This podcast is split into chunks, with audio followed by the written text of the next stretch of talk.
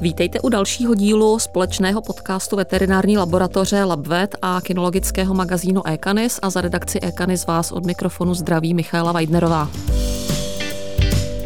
A já tady mám dneska ve studiu uh, paní Vladimíru Tichou a společně budeme uh, probírat čipování psů. Dobrý, dobrý den. Dobrý den.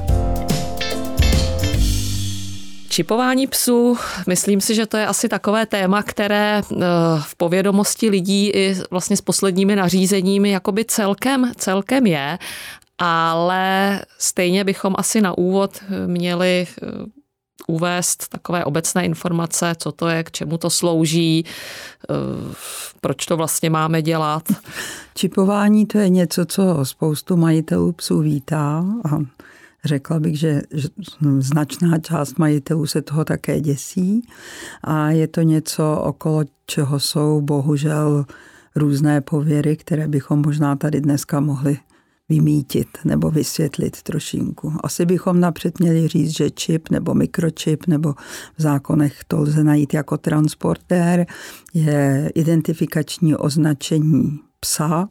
Čipování se ale nepoužívá jenom u psů, čipuje se to v podstatě od ještěrek až po slony, co se týká zvířat. No a všichni asi víme, že čipy najdeme u auta a někde úplně všude možně na kolech třeba, aby se neukradly. Takže čipování je dneska docela rozšířená věc. Ten čip to je takový malý několika milimetrový váleček z inertního, to znamená nedráždivého materiálu. V něm je ukrytý přijímač a vysílačka a když vyšle čtečka dotaz, tak ten čip se ozve a nahlásí jaký má svůj kód. Ten kód to je devítimístné číslo většinou a mm, jestli si někdo myslí, že ten pes běhá po světě a pořád vysílá své číslo kódu, tak to není pravda. To vysílá jenom v okamžiku, kdy se ta čtečka na to zeptá. Hodně lidí se ptá na to, jestli to může tomu psovi nějak ublížit. My jako LabVet čipujeme asi od roku 1998 a kdybych se nestyděla tady zaklepat, tak tady zaklepu na dřevo nebo na svoji hlavu s tím, že zatím jsme žádnou negativní reakci neměli. Někdy se tedy může stát, zvlášť třeba u takových lymfatických plemen, kde je hodně velké volné podkoží, že ten čip trošku putuje po těle. Někdy se může stát, že se třeba psi poperou a jeden druhého vezme za krk a čip překousne. A zažili jsme i případy, kdy to ten čip vlastně vyhasl, takže sice v tom pejskovi byl, ale nevysílal žádnou zprávu. Jenom asi bych ještě měla říct, že je mezinárodně dohodnuté místo, kam se ten čip aplikuje a to je levá strana krku. Fajn. A e, když teda to vezmeme ještě jakoby po pořádku, tak mě by možná zajímalo, nebo i posluchače by mohlo zajímat eh, něco trošku jakoby z historie toho čipování, třeba jak dlouho vlastně, nebo budeme se bavit teda asi o čipování psů zejména, nebo drobných zvířat případně, eh, jestli třeba to prošlo už jakoby nějakým jakoby vývojem, nebo jak dlouho vlastně jakoby tento způsob označování jakoby funguje. Tak asi by bylo na místě říct, že jako první se označovali psy s průkazem původu a označovali se tetováním. Začala s tím lovecká plemena a začalo se tetovat někdy tak okolo roku 70, 69, 70. A když se vyvinuly ty čipy, tak celá řada těch psů s průkazem původu přešla na identifikační označení čipem. Pak se tak někdy v 90. letech začalo hodně mluvit o tom, že by bylo ideální očipovat všechny psy. Tuším, že v roce 2000 tady byla velká snaha zavést zákon na psy a říkat, která plemena se tady smějí chovat a která plemena se tady chovat nesmějí.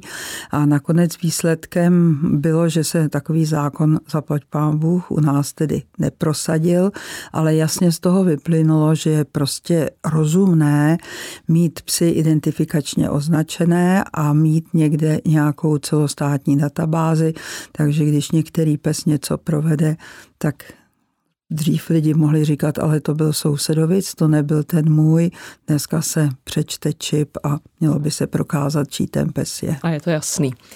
A když teda vy jste zmínila i to tetování, Dalo by se nějak teda srovnat vlastně to čipování s tím tetováním, vlastně výhody a nevýhody třeba jednotlivých těch způsobů jakoby označování?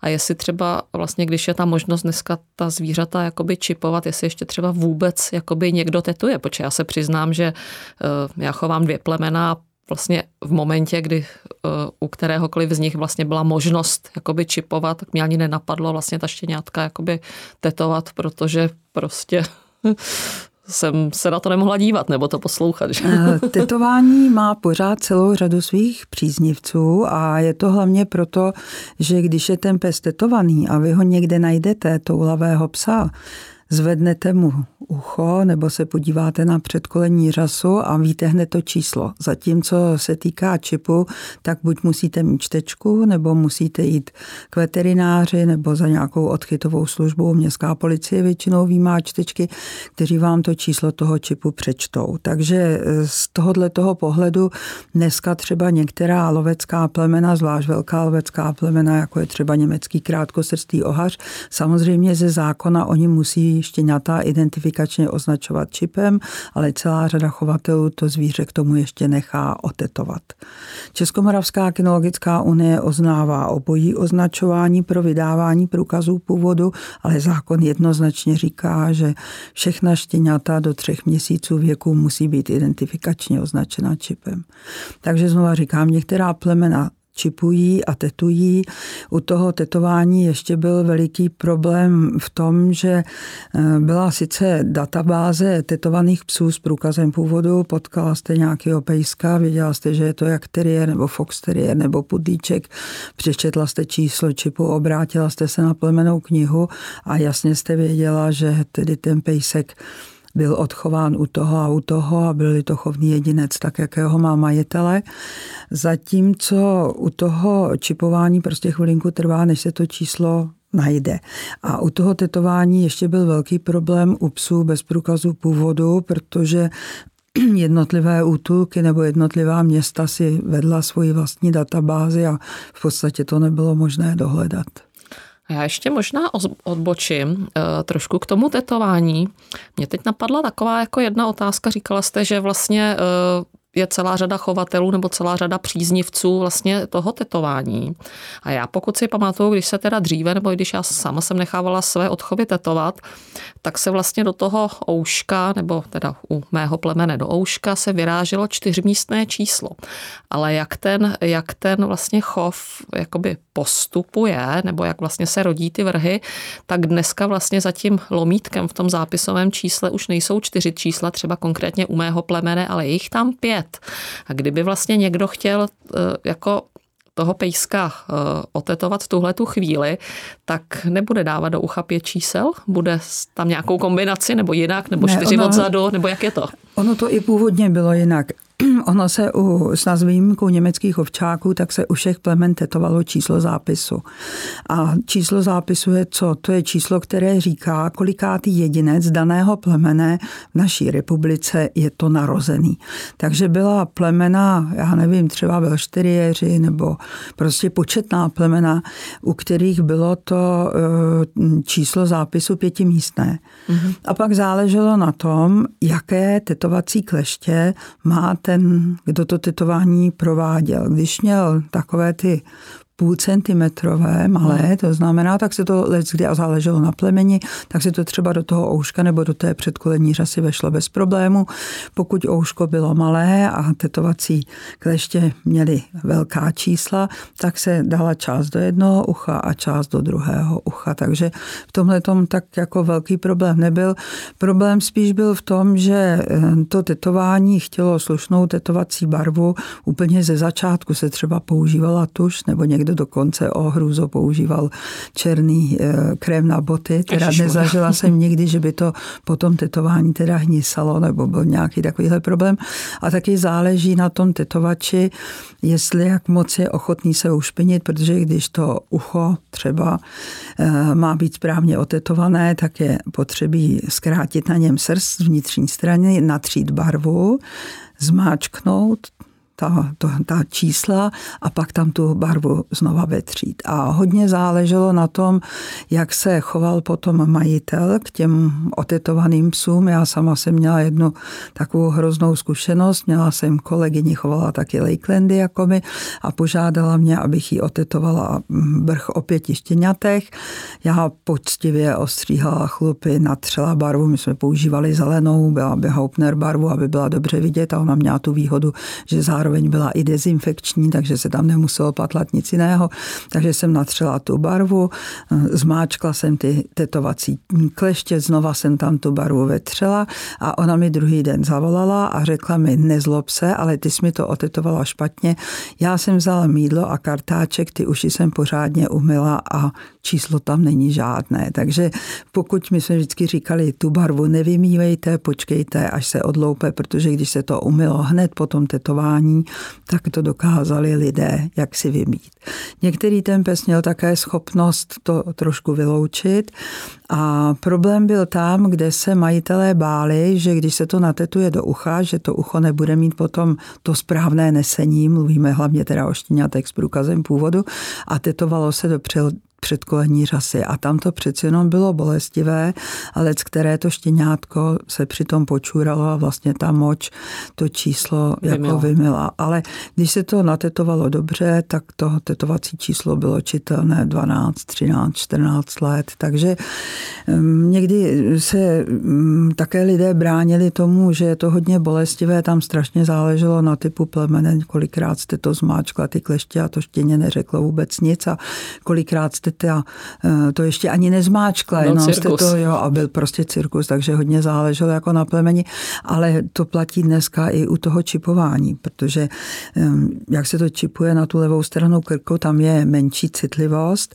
a některý pes se ani nehne a někteří psi řvou jak podebraní. Mhm. No já sama jsem ráda teda za možnost toho, toho čipování. Eh, vy jste sama říkala, že je to v podstatě už nějakou, nějakou, dobu, nějakou dobu povinné u nás. Uh, jak je to třeba, eh, teda bavíme se samozřejmě, bavili jsme se do posud vlastně o štěňatech čistokrevných nebo o jedincích jakoby s průkazem, s průkazem původu. A jak je to třeba s čipováním těch kříženců, nebo někdo pořád odchovává prostě někde štěňata jakoby mm. bez PP, že jo, jsou útulky, že jo, odchytíte psa někde na ulici, no, jak to tam funguje Dneska potom? je to naprosto jasně dané zákonem o veterinární péči, platí tohleto ustanovení od ledna 2020 a jednoznačně říká, že Každé štěně, každý pes musí být identifikačně označen čipem a to nejpozději do věku třech měsíců a to nejpozději v době, kdy odchází od chovatele k novému nabyvateli. Takže pokud někdo někomu prodává štěně nebo dává štěně a říká mu, hele, nech si to načipovat, tak překračuje zákon. Protože zákon říká, že to musí být identifikačně označeno čipem dřív, než to opustí svoji původní rodinu. Takže i kříženci musí být identifikačně označeni, nemají žádnou výjimku. Jediná výjimka je pro psy narozené před rokem 2011 s čitelným tetováním. Takže to jsou vlastně dneska desetiletí, desetiletí To jsou dneska desetiletí psy a budou to psy s průkazem původu, protože nic jiného se předtím netetovalo. Takže ti nemusí být, jestli tomu dobře rozumím, nemusí, nemusí být čipový. Být, ty nemusí být čipování. No, ale v případě, kdyby jeli třeba do zahraničí, tak kdyby jako tam... Jeli, kdyby jeli do zahraničí tak a nechal se jim vystavovat nový pás, uh-huh. tak by museli mít také čip. A ono tam to souvisí třeba to čipování nějak jakoby s věkem toho zvířete, nebo vlastně asi já bych ne. neřekla, já jsem čipovala čtyřtýdenní štěňata a 15-letého psa, nebyl problém tam ani tam. Uh-huh. A čipují se třeba jakoby povinně i jakoby jiná zvířata, třeba kočky, že jo? nebo jestli se o tom vůbec jako třeba do budoucna uvažuje? Kočky s průkazem původu se samozřejmě čipují a pokud byste chtěla jet s kočkou na dovolenou do Tater, tak musí mít pas a musí být identifikačně označena čipem. A jinak platí, že se vlastně třeba v zoologických zahradách se čipují ještěrky, čipují se sloni, čipuje se všechno, hodně se čipují koně. Mm-hmm. Jo, takže to čipování je celkem běžné u většiny zvířat. Ale ze zákona teda je požadováno u psu. No, ale zase třeba, když jste zmiňovala tu kočičku, tak zase třeba pojedu na výstavu třeba do zahraničí, že jo, tak jako tam, Samozřejmě, tam asi, mít. nebo budu prodávat kotě, třeba budu to. jakoby chovatelem, tak asi v tomhle případě, ano. Eh, případě asi také. A eh, teď mě napadá jako jedna taková, eh, taková otázka, která s, tím, která s tím souvisí. Já si myslím, že spousta lidí to vůbec jako netuší. Jak souvisí vlastně čipování s platností očkování proti vsteklině? To mě vůbec jako nenapadlo, na to jsem narazila já sama v podstatě nedávno. No to je, zase to vychází z novely zákona o veterinární péči a je tam jasně dáno, že vakcinace proti vsteklině je považovaná za platnou pouze v případě, že byla provedena u psa identifikačně označeného čipem.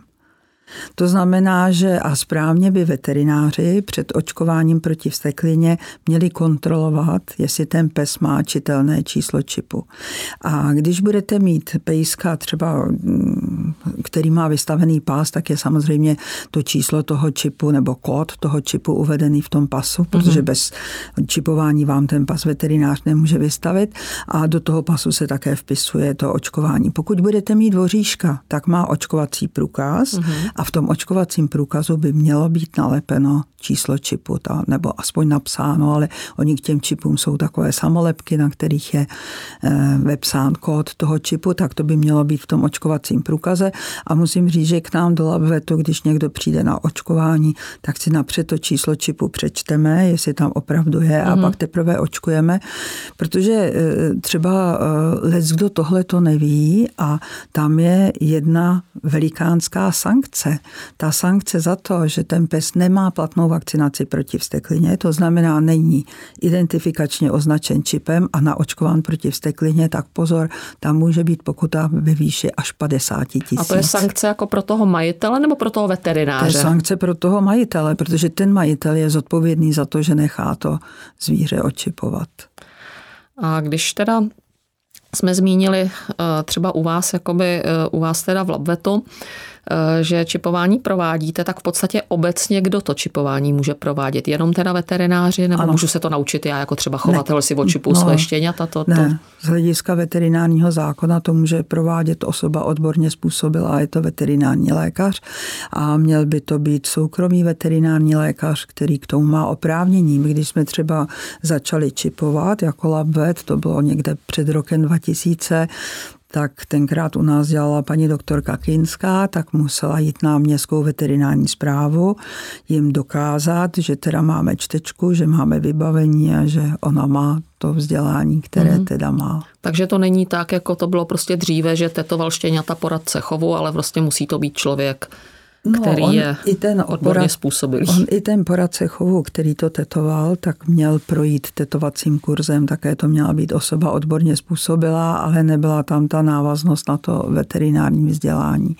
Dneska já vím, že lec, který prodejce čipů prodá čip komukoliv a lec, který chovatel si řekne, proč já bych platil za čipování štěňat, když si to můžu načipovat sám, ale musí mít na přihlášce vrhu potvrzení od veterináře, že to čipoval a ne každý veterinář je ochotný a neměl by být vůbec ochotný se podepsat pod něco, co sám nedělal. Uh-huh, uh-huh. A když už jsme teda u toho provádění, tak v podstatě jak konkrétně se to provádí? Přijede mi teda veterinář domů nebo přivezu si štěňátka třeba na veterinu a jak to teda vypadá? Ta, vy jste říká na levou stranu krku, že je to prostě jednotná norma, kam vlastně se to se ten čip aplikuje, jak to teda vypadá. Když prostě budu člověk, který jsem neznalej, tak přijdu na veterinu a nebo někam na to odborné pracoviště a co teda mi tam s tím sem budete vyvádět?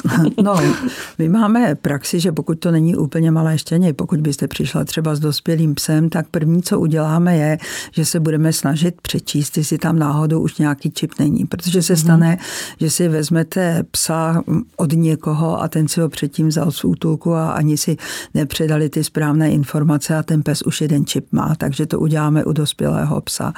Pokud se týká štěňat, která přijdou na čipování malých štěňat, tak co můžeme udělat? vezmeme, vezmeme čip, ten čip se aplikuje takovou trošinku silnější injekční jehlou.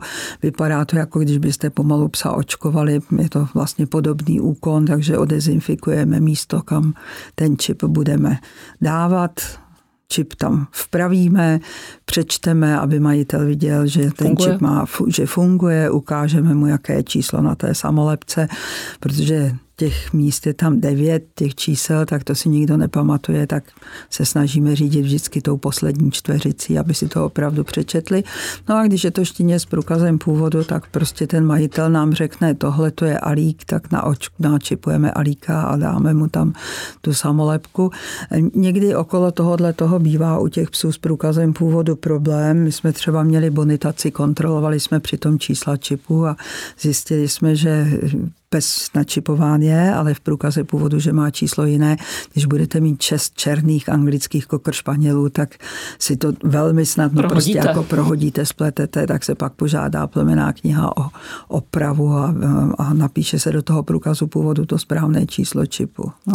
Takže v podstatě, v podstatě nic. Přijde pes, my ho načipujeme, přečteme číslo čipu, vystavíme účet, pak se snažíme přečíst to číslo toho čipu ještě jednou, aby bylo opravdu vidět vědět, že to tam je a tím to pro nás končí. A to Tam místo je, se třeba neholí na tom krku nějak, to se normálně ho, prostě... Nevím, je jestli tak. některé pracoviště to holí, ale my to neholíme, na očkování také neholíte. Co by možná mohlo eh, naše zákazníky zajímat, tak je to, že pokud je ten vrch eh, nakrytý na základě stanovení naší hladiny progesteronu nebo námi stanovené hladiny progesteronu, tak mají u nás právo na slevu jak při čipování, tak při očkování, protože to bereme, že jsou to naše štěňata. Takže s tomu správně rozumím, tak nabízíte vlastně majitelům těch štěňátek nebo tomu slevu. chovateli nějaký balíček ano, bonus, chovatelský no, by se ano, tak jako... By se dalo pojďme říct, teda zopakovat, co všechno teda ten balíček jakoby obsahuje. To ještě ten, jednou ten, schrneme. Ten balíček obsahuje teda stanovení hladiny progesteronu, v kterém je už započítáno vyšetření trusu na um, vnitřní parazity. To znamená, že tomu chovateli, já nevím, po druhé, po, v druhé polovině březosti řekneme, jestli musí nebo nemusí odčervovat. Nakonec o odčervování už se tady hodně hovořilo. No a nabízíme v tom Eh, čipování levnější, vystavení pasu levnější a očkování levnější. Takže já si myslím, že to je v podstatě pro chovatele i budoucí majitele štěňátek z Prahy a okolí jako krásná nabídka, mm. určitě je to zajímavý. No, mohlo by to pro ně být zajímavé, ale je to na nich, co zvolí a co nezvolí. Mm-hmm. Samozřejmě. A já ještě teda, když se vrátím zpátky k aplikaci toho čipu, my jsme to tady malilinko zmínili jakoby na začátku. Nemůže vlastně tělo toho pejska na ten čip, protože je to přeci jenom jakoby cizí těleso, nemůže se jako snažit nějakým způsobem vypudit nebo na to reagovat nebo nějak prostě se to místo zanítit nebo jak to je v tomhle tom ohledu? Mluvíme o živém organismu, takže asi nemůžu říct, že je to vyloučeno, ale znova říkám, že my čipujeme někdy od roku 2000, to znamená 21 let a zatím jsem reakci, nebo zatím jsme reakci nějakou zánětlivou neviděli. Eh, ano, někdy se stane, že ten čip putuje, protože to vlastně dáváte na určité místo u toho pejska a zvlášť, když je to lymfatické plemeno, já nevím, baset, bloodhound nebo něco takového, tak se může stát, že ten čip trošinku sklouzne někam jinam, ale s tím asi všichni, kdo ty čipy kontrolují, tak s tím počítají, protože s tou čtečkou prostě chvilinku jezdíte. Tak ono je tam nějaký najdete, asi místo, že, jako, že to má místo, nějaký takový jako no, rádius. No, že no, tam, jako to... asi nelze na centimetry říct, všichni to budete dávat na stejné místo. Takže mm, nemůžu říct, že bychom okolo toho měli nějaké jako problémy. No a když vlastně někdo si tehle ten úkon bude eh, dělat ne teda jakoby v rámci, eh, v rámci balíčku, ale bude si ho dělat samostatně, tak já si myslím, že by bylo fajn jako zmínit eh, těm majitelům těch pejsků, aby si udělali trošičku představu, jak je to drahý. Jako je mi hmm. jasný, že samozřejmě jinak to bude stát někde v centru Prahy a někde, jinak to bude stát někde na nějaké malé vesničce na severní Moravě, ale prostě takový nějaký jakoby mantinely pro představu. No To nevím, jestli řeknu mantinely pro představu. Dá se to rozdělit do dvou částí. Ta jedna je cena eh, toho samotného čipu, která se pohybuje někde od 150 do 450 korun. Záleží na tom mm, prodej nebo výrobci toho čipu, záleží na tom, jestli k tomu nabízí ještě nějakou službu, třeba eh, nějakou tu databázi nebo něco takového. A druhá část toho poplatku, to si pak účtuje veterinář tu službu a samozřejmě něco jiného bude účtovat městské pracoviště, které platí třeba veliký nájem a něco hmm. jiného veterinář, který má praxi doma, doma vlastně ale můžu říct, že se ty ceny pohybují od takových 350 mm. až mhm. do 1200. Mm-hmm. A ona určitě jakoby i rozdíl mezi možná těmi čipy, ne? že vlastně jsou jako různé značky nebo různé, různé, různé jakoby uh. druhy, možná i kvalitativně, jako co ten čip třeba jakoby splňuje, jakoby technicky by se dalo říct. Ne? No, všechny ty čipy musí odpovídat něčemu, co se jmenuje izonorma. To znamená, že je tam naprosto jasná vlnová délka, na které čtete ten kód toho čipu. No a mm, ta cena vysloveně jde od výrobce. Já bych neřekla, že některé čipy jsou kvalitnější a některé čipy jsou méně kvalitní. Svého času jsme mm, brali čipy, ty byly trošinku dražší, u kterých, když přišel ten čip do kontaktu s tkání, tak hmm. se mu otevřela taková jakoby čepička, která omezila tu možnost, tu možnost putování. E, někdy Některý ten výrobce těch čipů nebo prodejce těch čipů má vlastní databázy, do které eh, a to, že se můžete dostat do té databáze, neplatíte zvlášť, nebo aspoň to první zařazení, ale už je v tom, eh, v tom čipu, vlastně v té ceně toho čipu eh, zaúčtováno nebo jaksi zapojeno, takže tam jsou rozdíly v těch čipech. No a myslím si, že tady tohle to nám asi docela skončí, protože od 1. ledna 2022 by měla být celostátní databáze, státní celostátní databáze a jak to bude s těmi soukromými databázemi, zatím jsem o tom nikde nečetla. To se uvidí, no. to se uvidí, co nás čeká. A když už se bavíme o těch druzích jakoby těch čipů, tak vy jste říkala, že je to jakési devítimístné číslo.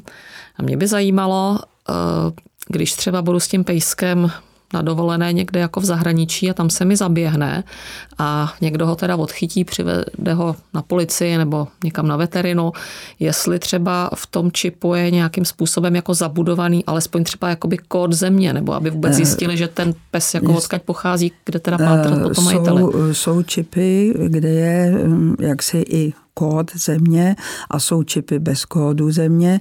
Tenhle problém se hodně řešil i tady, protože celá řada jako těch lidí, kteří vedou databáze, nebo někteří, kdo mají ty databáze, tak říkali, že bez toho kódu země je ten čip neplatný. Řešila to státní veterinární zpráva, ministerstvo zemědělství, řekli, že to tak není. No, tam pak bude záležet na tom, jak ten, kdo toho psa najde, jak moc chce hledat a vůbec bude záležet na tom, Dneska máte celou řadu načipovaných psů, kteří vůbec v žádné databázi nejsou. No to je asi, pro, to je asi problém, ale ten čip třeba mm. jako tam není možný, třeba aspoň do některých těch typů, jako mít tam i třeba nějaký údaje o majiteli. To asi ne, to nefunguje se, zatím. To se nedává mm. a toho se taky lidi hodně bojí, že prostě jim načipujeme psa, že někde bude běhat zvíře a bude vysílat pořád František Vonásek, má nesova 10 Olomouc nebo něco takového, tak, tak to opravdu není. a jak dlouho ví se vůbec, jak dlouho ten čip má jakoby životnost, nebo jak dlouho jakoby funguje? Tak vzhledem k tomu, že už jsem několikrát říkala, že čipujeme od roku 2020 a očkujeme třeba i hodně staré psy mm-hmm. proti vsteklině a kontrolujeme čipy, tak po celou dobu délku života toho psa. Zase ten pes je živý organismus, ten čip je vlastně technická záležitost, asi se může stát, že ten čip vyhasne, může se stát, že ten pes z nějakého důvodu ho, já nevím, vypudí, ale neslyšela jsem o tom mm. nikdy, ale co se samozřejmě může stát, že se vám pes popere, a protože, jak víme, se psy chytají za hrdlo, takže ten soupeř ten čip překousne, jo, že ho vlastně rozdrtí. To jsem, na to jsme narazili několikrát u psů s průkazem původu a tam pak prostě čip není čitelný, no tak se to musí přečipovat. No, že by ho spolknul a třeba jako... jako to nevím, to by musel asi trhnout a vylízat tu ráno, mm-hmm. ale eh, tohle to se občas jako stává a když třeba přijdou lidé a říkají, my jsme byli na zkouškách a nepřečetli číslo čipu, tak já vždycky doporučuji, běžte ještě za někým jiným, kdo má jinou čtečku, aby opravdu bylo jasné, že ten čip tam není nebo že z nějakého mhm. důvodu vyhasl, protože se může stát, že jeden s tou čtečkou bude hledat hůř než druhý se čtečkou a taky se třeba může stát, že některé čtečce se ten čip nebude líbit, ale nemělo by se to stávat, protože jak ty čtečky, tak ty čipy by měly odpovídat izonormě. Mm. A tam pak samozřejmě záleží na tom, někdo, někteří veterináři to třeba i zrengenují, aby viděli, jestli tam ten čip je Takže nebo na rengenu je vidět. Na, no, hlavně na sonou bývá mm. vidět, ale eh, vždycky je to prostě o tom, aby se člověk ověřil, že tam náhodou ten čip opravdu není, protože už jsem zažila psy, kteří přišli na očkování já jsem přečetla úplně jiný čip a ten majitel se strašně divil a tak já ještě chvilku hledala a přečetla jsem ještě druhý čip, takže to se prostě může stát. No a teď baborať, jako co s tím, že jo, když buď teda, když teda to zvíře má nakonec jako v sobě ty dva čipy, a nebo když vlastně ten čip jakoby přestane fungovat, tak v podstatě jakoby, co s tím? Teď třeba budu chtít jít na výstavu, na zkoušky, no, na bonitaci. Jako... Eh, pokud se týká psů s průkazem původu, tak pokud eh, přečtete nebo se přečte jiný čip, nežli který je uvedený v průkaze původu mm. a mm, je pravděpodobné, že došlo k záměně uchovatele, tak se to řeší mezi chovatelem a plemenou knihou. Ten chovatel by měl oslavit i ta ostatní štěňata, nechat přečíst čipy a plemená kniha uh-huh. potom upraví, tak, aby to bylo v pořádku. Pokud je to starší pejsek a ten čip z nějakého důvodu není čitelný, tak tam už musí do toho mluvit chovatelský klub a je na tom chovatelském klubu, jakým způsobem k tomu bude přistupovat. Jsou chovatelské kluby, které vydají potvrzení, že souhlasí se změnou identifikačního označení, pošlou to majiteli, ten nechá štěně před nebo dospělého psa přečipovat a pošle se to plemené knize a ta opraví v průkaze původu číslo čipu. Jsou ale případy, kdy třeba přijdou na rentgen kyčlí a najednou tam žádný čip není. A v takovémto případě většina těch chovatelských klubů řekne ano, dáme souhlas se změnou identifikačního označení, ale na základě parentity. Tedy budou chtít vědět, jestli ten pejsek, u kterého, nebo ta fenečka, u kterého teda má dojít ke změně identifikačního označení, je opravdu potomek těch rodičů, kteří jsou uvedeni v průkazu původu. Tam může být docela problém, protože jsme zažili, tuším, že to byl Leonberger, kdy eh, to bylo kryto v zahraničí a majitel zahraničního psa řekl, já na vás kašlu, já nebudu dělat DNA u svého psa a bylo. Že jo. Takže někdy jsou prostě takovéto problémy, ale je potřebí si uvědomit, že 99% chovatelů psů s průkazem původu jsou podle mě slušní lidé, ale pořád je tam nějaké takovéto procento. Těch vykuků. Těch vykuků, kteří si prostě řeknou, no tak já mám tady sice zvíře s průkazem původu, ale nenarostly mu zuby, nebo mu nesestouplo varle, nebo já nevím, nějaký jiný důvod. Tak a tady mám zvíře, které je v naprostém pořádku, tak já budu říkat, že je to ten s průkazem původu, ale že mu vyhasl čip. Že jo? To mm. Může no to je stát. přesně to, na co jsem narážela. No, no bohužel no, stát, no. jsme vynalézavým národem. No.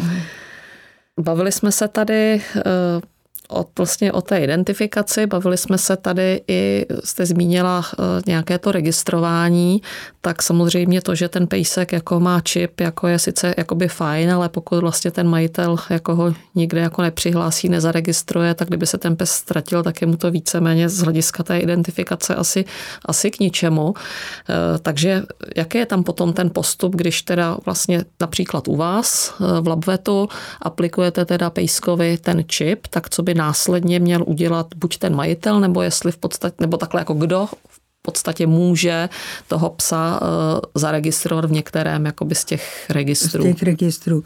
Ehm, zatím narážíme na to, že celá řada lidí do žádného registru nechce. Jo, že se toho prostě jako bojí a můžete jim stokrát vysvětlovat, že je to ku prospěchu jejich i jejich psa, ale prostě nechtějí. A my nemůžeme říct, my vám načipujeme jenom psa, který musí být v registru, protože my načipujeme psa, kód čip nebo samolepku s kódem čipu vlepíme do um, očkovacího průkazu a tím je naše povinnost jaksi skončená uh-huh. u psů bez průkazu původu a u psů, u kterých nechtějí lidé vystavit pas. V okamžiku, kdyby ten člověk chtěl vystavit pas, tak my jsme povinni z zákona dát ten pas do evidence komory veterinárních lékařů. Takže když se najde někde pejsek a nenajde se v žádné databázi. Mluvíte o pasu, o takovém tom modrém, o tom no, Europasu. O tom modrém uh-huh. pasu, o tom Europasu, tak se může ten, kdo třeba útulek, který toho psa najde, tak se může obrátit na komoru veterinárních uh-huh. lékařů a ty jim ověří, jestli mají u toho pejska vystavený pas. Eh, jinak eh, třeba, když budeme mluvit konkrétně od nás, tak my těm lidem dáváme k tomu čipu kartičku, na které mají jasně napsáno, pokud se chtějí registrovat, jak se mohou registrovat, kde se mohou registrovat. A zároveň jim vyplňujeme takovou hm, informaci pro hlavní město Prahu, protože Praha dává identifikačně označeným psům slevu a ty lidi, když to vyplní a pošlou to Praze, tak mají tu ohromnou výhodu, že ten pes se dostane do databáze Prahy a protože v Praze výborně funguje útulek v Bohnicích, je to útulek městské policie a je to jeden, já bych řekla, z nejlepších útulků ne v České republice, ale v Evropě, když sem přijedou nějací návštěvníci, kteří se točí mm-hmm. okolo ochrany zvířat, všichni se tam jdou podívat. Ten útulek je opravdu i tak výborně vybavený, výborně vedený, mají vlastní odchytovou službu a ta odchytová služba první, co udělá, že když toho psa odchytí, přečte si čip a první, co udělá, podívá se do databáze hlavního města Prahy. Takže kolikrát už přímo oni volají, našli jsme vašeho psa. No a když, to, když ten pes v té databázi hlavního města Prahy není, tak opak hledají po těch různých registrech a to už pak dělá teda útulek. A tohle, to, co říkám, není jenom hlavní město Praha, to jsou České Budějovice, je to Ostrava, je to celá řada měst. Takže když budeme mluvit o v současné době fungujících databázích, tak jich je asi 6 nebo 7 soukromých poměrně velikých a poměrně dobře fungujících a pak jsou ještě důležité databáze měst a obcí, kde ty, mm, to identifikační označení těch eh, čipů těch psů je zaznamenáno. Od 1. ledna 2022 by měla být jednotná celostátní databáze. Eh, parlamentem prošel v druhém čtení zákon o veterinární péči, asi třetí nebo čtvrtá novela za posledních pět let a tam už je dáno, že tu databázi povede komora veterinárních lékařů.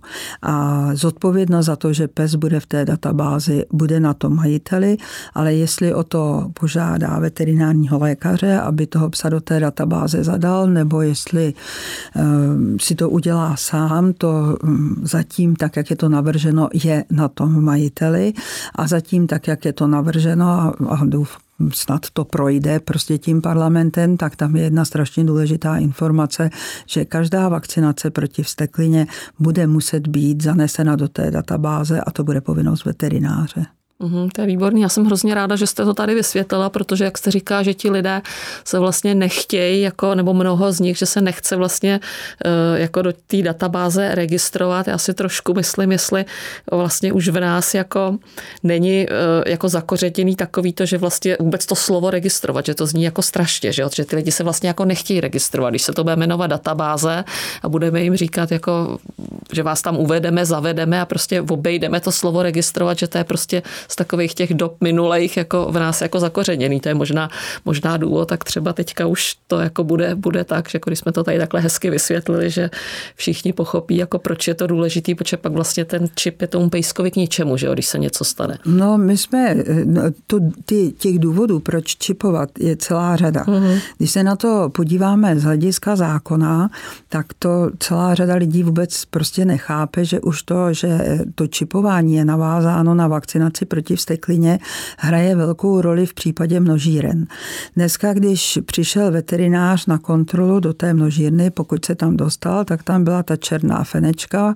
Oni říkali, že to je bobínka, ona pod sebou měla šest štěňat, byla hrozně zubožená A veterinář v podstatě uh, mohl akorát zkontrolovat, jestli je očkovaná proti vsteklině a oni mu ukázali nějaký očkovací průkaz, třeba tam tu vakcinaci měli jaksi potvrzenou, ale v podstatě ten očkovací průkaz za týden použili pro jinou fenu a za 14 dnů pro jinou. Problém, Dneska no. ten veterinář si přečte čip, a uh-huh. když ta bobinka, chudinka teda má nějaký očkovací průkaz, ale není v něm číslo čipu uvedeno, uh-huh. tak anebo ta fena není očipovaná, tak on prohlásí vakcinaci proti vsteklině za neplatnou a jak už bylo řešeno Sankce. ve správním řízení může být udělána pokuta 50 tisíc.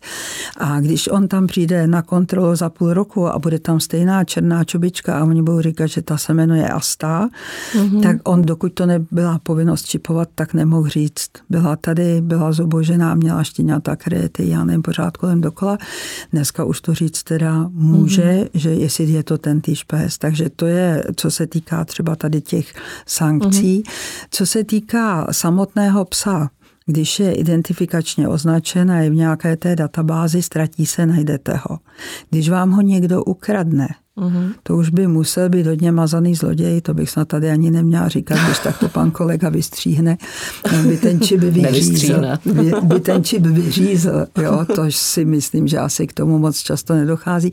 Takže vy prokážete, že ten pejsek je váš a to si myslím, že jsou dva strašně důležité body.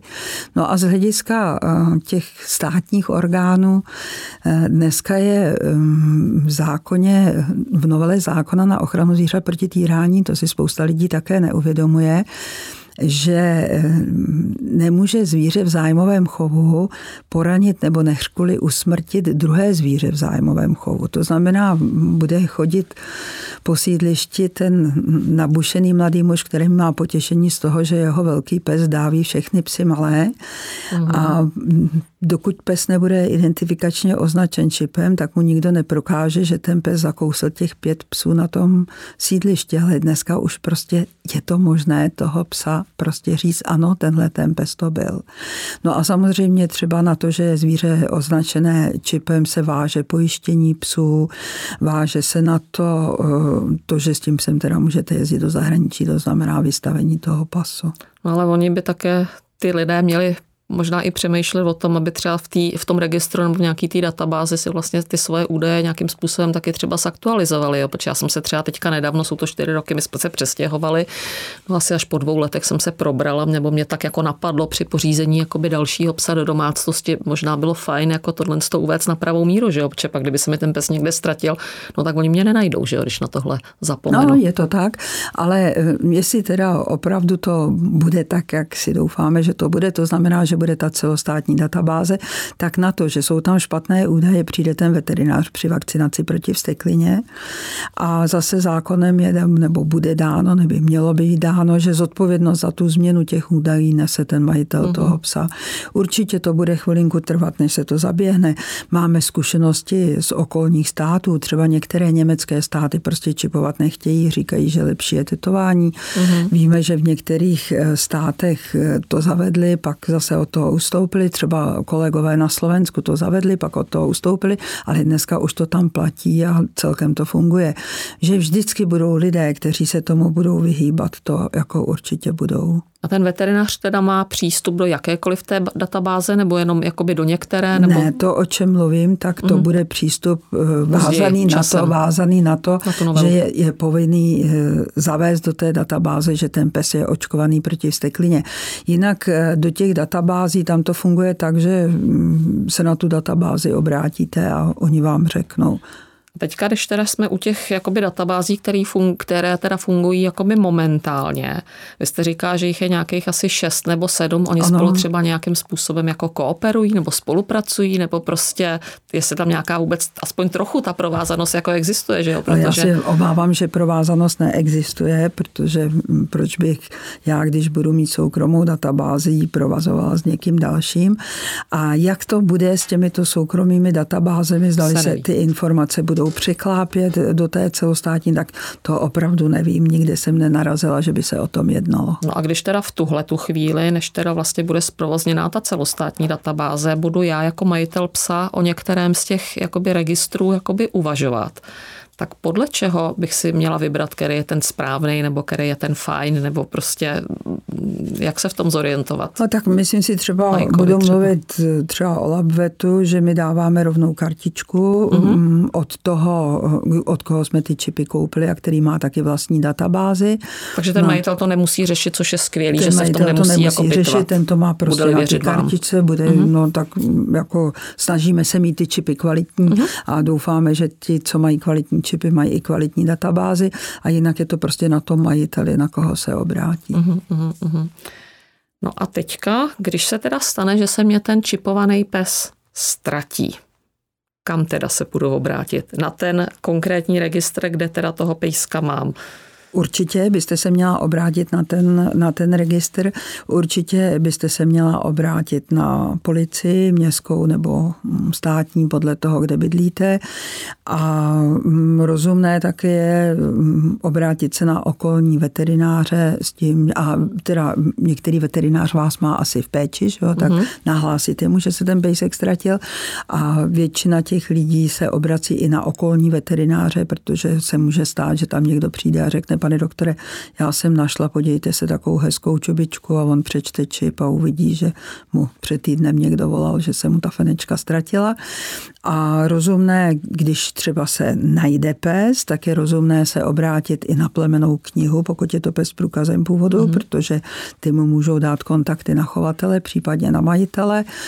No a já nevím na koho ještě jinak. Když eh, tohle někoho blíž zajímá, tak existuje nadace eh, na ochranu zvířat proti týrání. Najdete je na webu, stačí mm-hmm. si tam dát nadace na ochranu zvířat a ty tam mají přesně napsáno, co dělat, když se ztratí pes, co dělat, když se najde pes a také, to je také důležité, co dělat, když máte pocit, že někdo ve vašem okolí týrá zvíře. Mm-hmm. A vy když jste říkala, že vlastně ten pejsek, když jako je nečipovaný a někdo na to přijde, že hrozí pokuta, tuším, že až 50 tisíc, nejsem si jistá, jestli to nebylo zpočátku 20 úplně a teď to teda zvýšili, kdo vlastně to může kontrolovat, jako jestli ten eh, pes je čipovaný nebo není. Policie to, třeba na to, procházce? Ano, to, A na to, aby se mohli dát, eh, no, aby se mohla dát takováhle pokuta, tak to musí být samozřejmě státní orgán, nemůže to být, já nevím, rozhodčí na výstavě nebo tak něco. Mm-hmm. A v prvé řadě je to inspektor státní veterinární zprávy a samozřejmě je to také městská policie a státní policie. A třeba ta jako já když budu mít pocit, že třeba u sousedů, že tam někdo třeba, já nevím, týrá psy, nebo že tam ten pes jakoby vyštěkává, nebo já budu mít nějaké třeba podezření, že prostě ten pes určitě, že ho teda nemají jakoby očipovanýho a teď teda jako někam zavolám, budu tam chtít teda někoho jako, jako poslat, zavařit sousedovi, tak v podstatě ta, ten inspektor ten tam jako může jako vtrhnout jakoby jen tak, nebo jako musí mít třeba povolení k domovní prohlídce, nebo jak tohle to není to, o tomhle tom se vedou hmm. velké spory. Někteří ty inspektoři říkají, že tam můžou jít teprve, když jsou dopředu do přihlášení, jiní říkají, že tam se dostanou i, i jako jinak, ale pokud by vás tam ten majitel toho pejska nechtěl pustit nebo nechtěl vám dovolit kontrolu toho psa, mm-hmm. tak tam může jít ten veterinární inspektor s policií anebo s rozhodnutím soudu. No, ale policie třeba v parku, že jo, když tam něco způsobím, tak to si může... Policie v parku může... samozřejmě může kontrolovat, třeba tady v Praze chodí městská policie, kontroluje, nebo někde přímo obecní úřad má čtečku, hmm. kontroluje, že jo, takže prostě státní orgán může A já jsem třeba povinná mít u sebe, třeba když pojedu, když teda jsem v místě bydliště, tak předpokládám, že ne, když půjdu do parku před barák, že budu mít sebou teda v kapse jako očkova, kdyby mě náhodou, náhodou jako zkontrolovali, tak aby si tam teda mohli ověřit, že tam toho pejska mám, ale pokud teda pojedu někam mimo bydliště, tak asi jako je to šikovný, ne, v Baťušku něco takového mít. Určitě jako, že by někde zákon říkal, že musíte mít očkovací průkaz, když jdete s pejskem na procházku, to teda o tom nevím, mm-hmm ale určitě je rozumné to mít a zvlášť je to rozumné mít, když třeba jedete ze psem někam na dovolenou, byť po vlastech českých, mm-hmm. nebo když si dneska lidi berou psy sebou třeba na tábor nebo podstan jedou, tak je rozumný to sebou mít, abyste se mohla prokázat, ano, já mám psa očkovaného proti vsteklině, protože vsteklina zajímá, vlastně je to zoonóza, že jo, tak ta mm-hmm. zajímá státní orgány, když pak jedete třeba na nějaký ten psí tábor, tak tam si můžou dát jako pravidlo ještě očkování proti něčemu jinému, ale ze zákona je to jenom vsteklina. Tak oni ten tábor, ten se hlásí, že jo, dopředu, že když je to nějaká hromadná akce, pokud pojedu někam do Krkonoš, tamhle ze psem jenom jakoby sama, tak asi je to v mém zájmu, abych teda tohle to měla, měla sebou, no, kdyby případně. Když je to hromadná akce, tak tam se to musí hlásit zase tomu úřadu, na jehož jaksi místě to um, pořádáte třeba výstavu psů nebo zkoušek mm. a musí se to hlásit příslušné krajské nebo městské veterinární správě, která vám pak uh, zkontroluje veterinární podmínky nebo dá veterinární podmínky, které se samozřejmě v návaznosti na nákazovou situaci mohou měnit, ale znova říkám, že dneska zákon mluví pouze o vsteklině, dřív se všude dávala ještě povinná vakcinace psinka, parvoviróza, leptospiróza, infekční zánět jater, to už tam není dneska. A i ta vakcinace proti vsteklině třeba na výstavách nebo na zkouškách e, není povinná veterinární přejímka, která by kontrolovala, jestli ti psi jsou očkovaní ale když tam přijde ten veterinární inspektor, může vás zkontrolovat, může se na to podívat a pokud zjistí, že ta vakcinace není platná, tak je zodpovědnost na vás, nikoliv na tom pořadateli a může vám dát teda pokutu nebo napomenutí, nebo je to prostě na nich, jakým způsobem to udělají. Oni sami říkají, že nebudou táme babičce, která má toho jednoho říška dávat 50 tisícovou pokutu, ale že ji schutí použijí tam, kde vidí, že je tam nějaký nekorektní chov nebo něco něco takového, ale vždycky musí proběhnout to správní řízení. To je asi rozumné. No nicméně my už jsme se pomalinku přiblížili vlastně k závěru toho našeho povídání a mě ještě tak napadá, že vy jste vlastně za tu svoji letitou praxi praxi přímo jakoby studnicí eh, různých příběhů, historek a eh, úplně někdy možná i jakoby neuvěřitelných. Napadá vás třeba něco jako v souvislosti s tím čipováním, co jste zažili, co se vám stalo, nebo prostě eh, co by bylo zajímavé zmínit? Tak není to úplně do detailu s čipováním, ale narazili jsme tady na ty kontroly že jo, veterinárních inspektorů a vím o historce, myslím si, že je pravdivá, že ten pan doktor, který to povídal, neměl důvod si něco vymýšlet. Eh, někdy se eh, prostřednictvím zvířat řeší špatné mezilidské vztahy, takže když někdo nemá rád souseda, tak na něj bude pořád psát udání, že týrá zvířata a dělá nevím co. Ne vždycky je to pravda, ne vždycky je to jednoduché vyřešit, ale ta příhoda, o které mluvím, ta se vztahuje na jednu takovou VIP pražskou čtvrť, kde lidem vadilo, že na jedné krásné vily na, je pes, který se skoro vůbec nehýbe, který pořád sedí na jednom místě a došli teda k podezření, že ten pes je týrán a že je přivázaný. A tak tam přišla kontrola veterinární, majitelé domu je tam velmi ochotně pustili, pojďte se podívat, ty tam přišli a zjistili, že opravdu tam je pes, dalmatín, krásný, byl dobře vidět, že jo, černě puntíkovaný, že opravdu sedí na jednom místě, aniž tomu nic jiného nezbývá, protože byl sádrový. Takže se stane jako lecos. No. Ale my třeba jako Českomoravská kinologická unie na výstavách děláme na mátkové kontroly, těžko zatím jsme na, na, jako vybaveni tak, aby jsme zkontrolovali 8 tisíc psů. V zahraničí na to mají takový tunely, že jo, kde ten pes projde a ten čip se přečte, ale děláme na mátkové kontroly a děláme asi, já nevím, teď asi pět let, nebo jak dlouho bych řekla, a Věřte či nevěřte, děláme na mezinárodních národních výstavách, zatím jsme na nic nepřišli, že by to identifikační označení nesouhlasilo.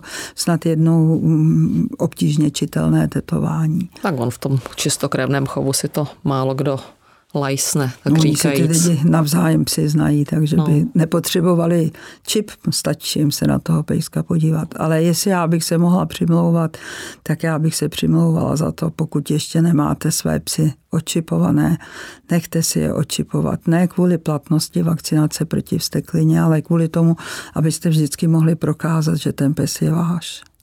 Já myslím, že to jsme uzavřeli jako to naše dnešní povídání úplně krásně. Já se k tomu připoju, souhlasím s tím. Paní Tichá, já vám strašně moc děkuji. Bylo to zase určitě pro spoustu našich posluchačů jako velice přínosné. Myslím si, že tam zaznělo spousta jakoby informací, které byly i pro mě nové. Takže já vám ještě jednou z celého srdce děkuji a budu se těšit zase na příště. Naschledanou. Naschledanou.